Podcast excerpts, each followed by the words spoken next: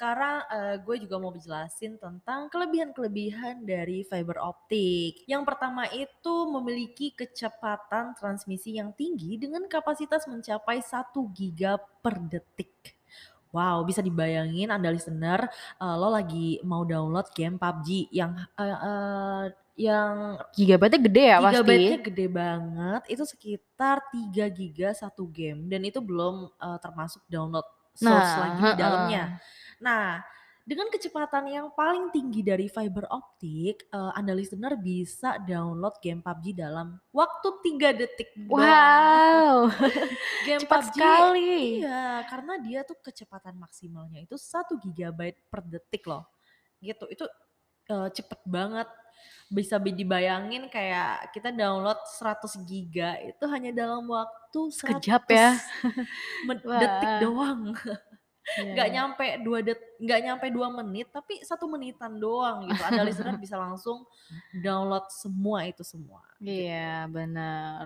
Nah, dan yang kedua itu juga fiber optik bisa mentransmisikan data dengan jarak yang cukup jauh tanpa adanya bantuan penguat sinyal. Seperti yang tadi Jess jelasin, itu kan fiber optik ditanemin di bawah laut. Mhm, di Enggak kayak kabel-kabel lain yang mungkin pakai pemancar sinyal, jadi dia itu bisa mentransmisikan data dengan jarak yang cukup jauh banget gitu, tanpa Anda tanpa ada bantuan penguat sinyalnya. Terus yang Yes. ketiga, bahannya itu terbuat dari kaca dan plastik sehingga sangat tahan terhadap karat. Dan yang, eee, selanjutnya itu dia juga memanfaatkan gelombang cahaya sehingga tidak terganggu oleh adanya gelombang elektromagnetik seperti gelombang radio. Dan, eee, dan yang paling penting dan yang terakhir, kelebihan dari fiber optik ini dia itu memiliki keamanan yang tinggi karena dia itu sangat minim distorsi. Seperti yang tadi kita udah jelasin, dia itu tahan terhadap cuaca, eee, mau lagi hujan es, badai, eee, fiber optik ini tetap berjalan gitu. Berarti juga bisa anti karat ya? Anti karat, minim distorsi, dan Mhm. banyak banget kelebihannya. Di sisi kelebihan juga pastinya adalah kekurangan. Mhm. Kekurangan dari fiber optik ini di harga ya, harga yang terbilang mahal, Mhm. tapi, eee, biayanya itu mahal ada sebabnya juga, karena biaya maintenance-nya atau biaya pemeliharaan dan juga instalasi.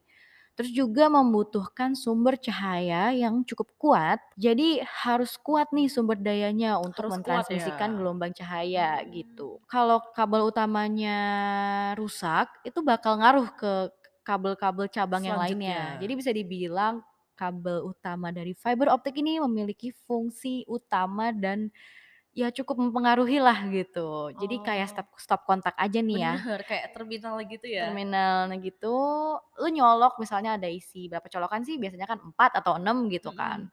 Ya kalau yang pencetannya rusak nih atau kabel utamanya rusak. 1, itu bakal ngaruh juga ke colokan-colokan yang lainnya. Jadi Bener. percuma lu mau nyolokin 3, mau nyolokin 4 juga kalau emang utamanya udah rusak, ya bakal rusak. Begitu juga dengan fiber optik. Jadi Bener. harus diperhatikan kalau kabel utamanya ini gimana-gimana dikit, ya harus dibenerin gitu Bener loh. bener. Dan sekarang gue juga mau jelasin tentang kondisi fiber optik yang ada di negeri kita tercinta ini. Di Indonesia Di Indonesia pastinya.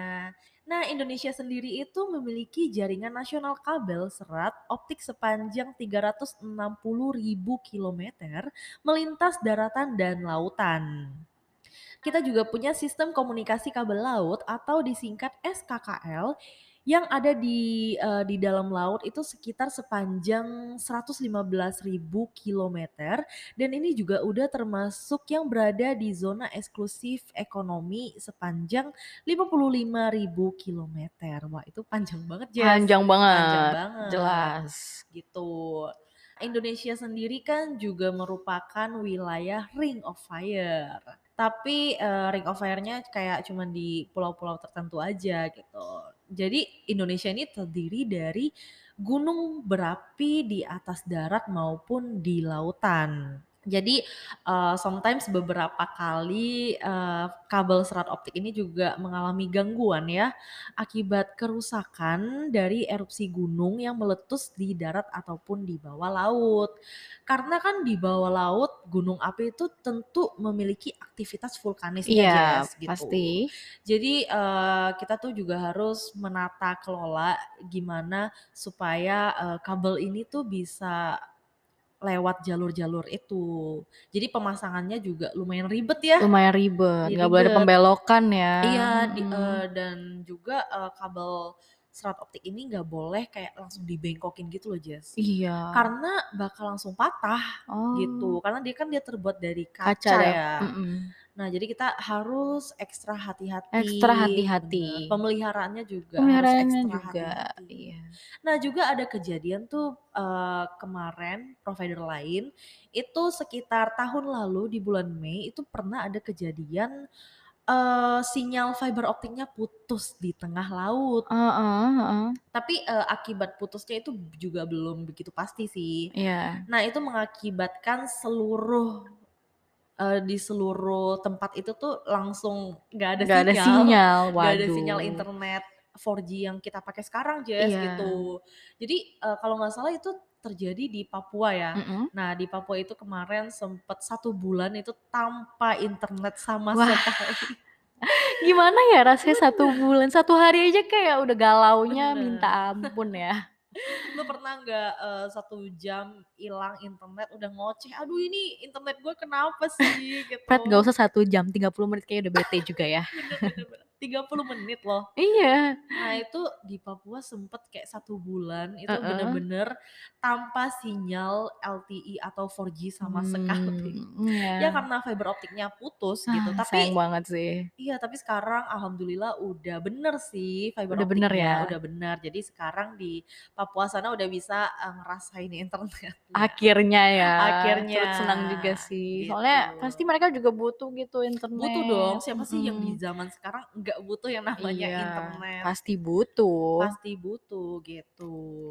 Kalau tadi fiber optik di negeri kita tercinta atau Indonesia, kalau kali ini fi fiber optik yang di luar negeri, pastinya Bener. juga ada gitu, jadi nggak cuma di dalam negeri aja ya, nah listeners.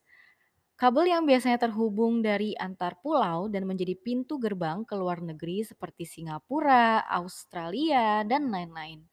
Seringnya terjadi kerusakan karena adanya lalu lintas kapal-kapal di laut yang dapat mengganggu sinyal antar negara. Ya Oh, wajar aja sih ya karena ta diletakkannya, Di bawah pemasangannya di bawah laut. laut, jadi pasti ada aja lalu lintas Melintasi kapal laut, iya, bener kapal bener, selam kayak kapal selam gitu. gitu ya, kan dia Iya. masuknya ke ke bawah Ke banget ya. bawah ke bawah, dasar Dasar banget. banget, jadi bisa Iya. aja mungkin nabrak gitu ya.